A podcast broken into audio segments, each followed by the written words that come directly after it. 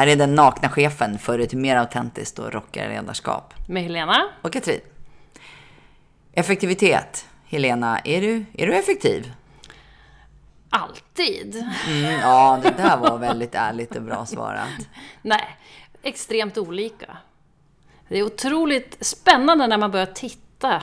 När är jag effektiv och när är jag inte effektiv? Och vad, vad handlar det egentligen om?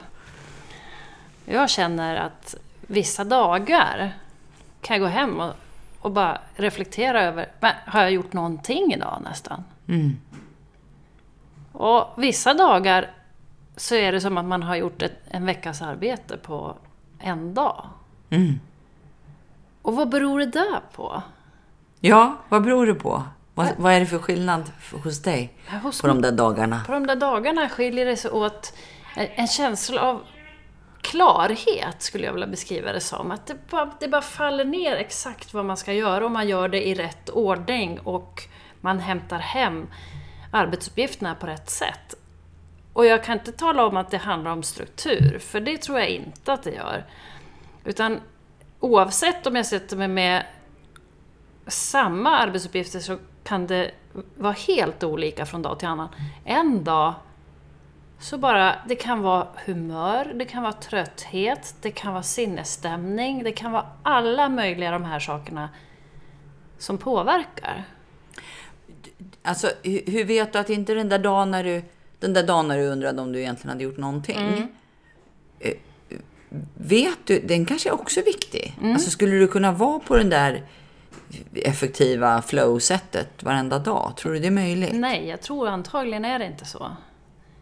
Antagligen så behöver man hämta hem någonting ibland. Eller reflektera eller fundera över någonting. Som gör att du kan få flow de andra dagarna, för då har du fått ihop någonting. Det är så det känns i alla fall. Just även om du inte är helt intellektuellt medveten om vad det är. Men Nej, det, precis. sker någon slags Något- processer. Ja, något, någon slags process sker. Ja. Hur känner du? Ja, alltså jag har ju ganska mycket haft den här idén att, att jag ska liksom börja med det, det som är tungt och inte skjuta upp jobbiga saker utan ta i dem direkt och sådär. Och, och sen så börjar jag med det som känns tungt och jobbigt och tråkigt för jag ska få det gjort så att jag kan eh, göra det som är lättare och roligare eh, sen. Och den där funkar så där alltså. Ja, vadå? Jo, därför att det, det bygger på att det som just nu känns roligt, respektive tråkigt, det kommer att kännas så på eftermiddagen också, eller imorgon eller nästa vecka. Och så är det ju nästan aldrig. Därför att det beror på var jag är någonstans just nu i sinnesstämning och vad jag gjorde nyss och liksom vad, vad jag har energi för. Så att jag gör precis tvärtom. Jag hela tiden väljer det som är roligast. Då får jag mycket mera gjort. Sen finns det ju något nästan syndigt över det där. Så kan man väl inte göra och det måste vara jobbigt och tråkigt. Så har jag märkt att jag går omkring med i alla fall. Men om jag lyckas kliva förbi den och så bara väljer jag vad är det som är kul nu och så gör jag det. Då blir jobbet roligare och jag får mer gjort. En annan sak som jag har tänkt på är när jag, om det är något som är lite för stort eller något man vet kommer vara lite tungt och tråkigt så finns det någon form av tröskel från början. Men valet att verkligen med hull och hår kliva in i den här arbetsuppgiften. Man för, för all energi till den arbetsuppgiften så blir den intressant. Har du varit med om det? Ja, absolut. Ja. Absolut. Det går ju att skapa intresset och engagemanget i, i det. Mm. Ja. Bara genom, det är nästan så som att man ska i vattnet när det är kallt Mm. i badet. Så bara blundar man och hoppar. Bara på det liksom. Mm. Rakt på. Och det kan jag använda ibland mot de här arbetsuppgifterna som du sa känns tråkiga. Därför att någon gång så handlar det inte om att de är tråkiga kanske i sig, utan det handlar om att man har ett motstånd för man man vet att det är en komplex uppgift eller en svår uppgift som man måste ta sig igenom. Ja, och, ja och, och sen då, alla de där föreställningarna om vad ett visst jobb innebär. Alltså de är ju inte alltid sanna. Nej. Jag kan ju reagera åt båda håll när jag är uppriktig med mig själv och både se att det där som jag hade gjort till något megastort och jättejobbigt, oj oj oj, det här kommer att ta hela dagen. Och sen bara är det gjort på en timme. Och det var inte ens svårt. Nej. Och, och, Och åt andra hållet, att alltså ska jag göra det där också innan jag stänger för dagen. Och så visade det sig att det var ju en hel dags jobb, det jag trodde jag skulle göra på en kvart. Därför att vi vet ju inte alltid vad de innehåller. Nej. Och, och särskilt om man ska göra, just precis nu så har jag varit med om att ha, jag sk- skulle göra en tullfaktura för första gången i mitt liv. Som du behövde för att exportera till Hongkong. Och eftersom jag normalt sett inte gör den arbetsuppgiften, eh, men var lite semestervikarie vid det här tillfället, så skulle jag göra den. Och då finns det ett motstånd, för jag har aldrig gjort den och jag misstänker att det är jättesvårt. Men den tog ju inte särskilt lång tid när jag väl fick klart för mig vad är det som ska göras.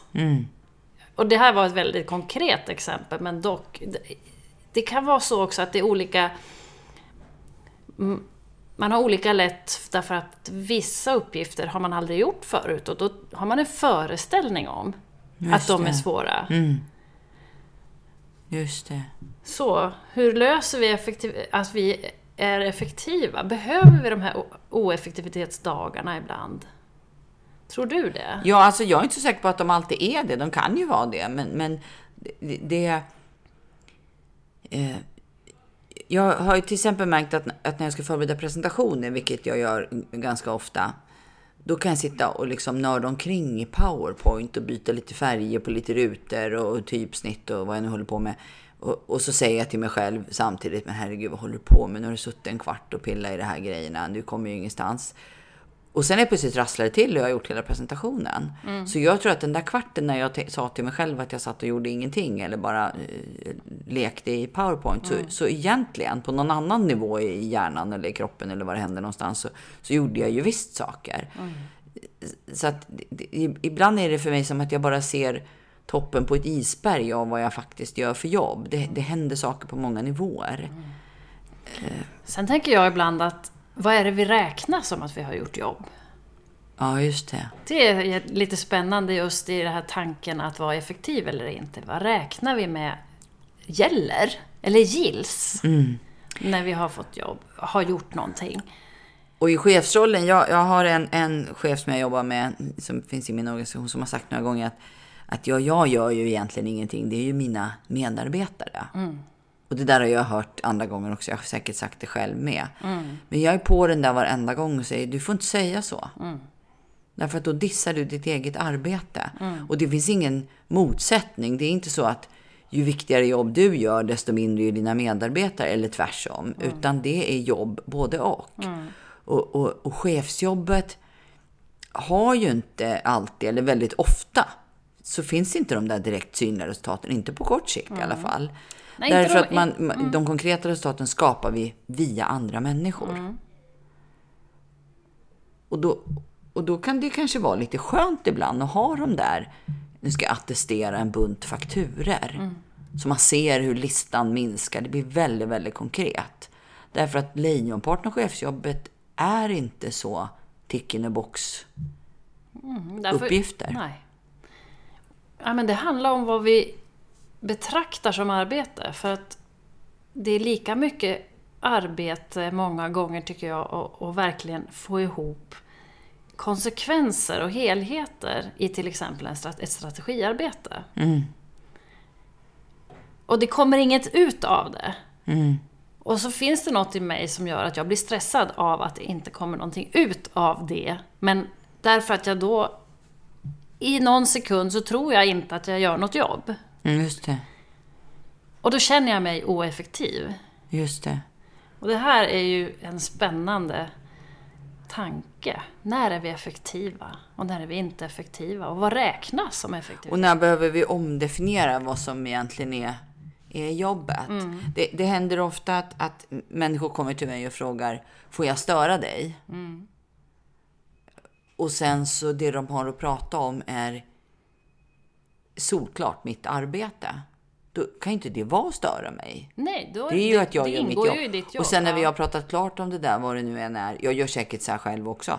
Så säger de, och förlåt, tack, nu får du fortsätta med ditt arbete. Ja, fast det här är också mitt, det är mitt Det är en arbete. del av... Ja. Jag hade faktiskt roligt med det där när, när barnen var små och Mm. frågade vad jag jobbade med. Och det var inte helt lätt för mig att precisera. Men då brukar jag säga att mitt jobb är att prata med människor. Ja, det var en bra definition tycker jag. För det är det ju. Sen gör jag ju det i ett syfte och det kanske inte de var så intresserade av när de var fem och ett halvt eller hur gamla de var. Men, men, men, alltså det är det som är jobbet. Så att det är inte ett störande moment. Utan det är, det är ju det som är jobbet. Och det där med, med kontroll och, och eh, planering. Eh, Jag jobbade i Tanzania för ganska länge sedan. Jag gjorde mitt examensarbete där. Och, och, och då kom jag dit med mina föreställningar om hur man genomför ett arbete. Det var ett väldigt konkret jobb vi skulle göra och det här skulle jag ju skriva en uppsats och så. så.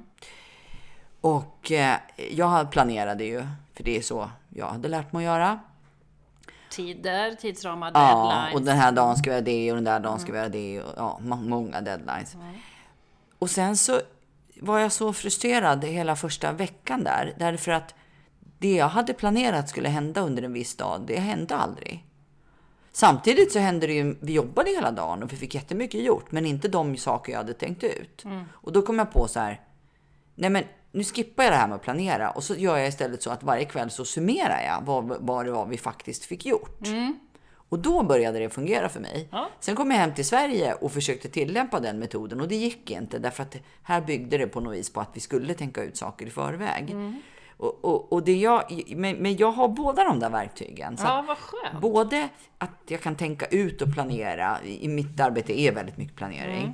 Men inte bara det, för sen händer det grejer och det kan ju vara Men det 50 händer ju- av dagen eller mer. Ja, men det händer ju alltid.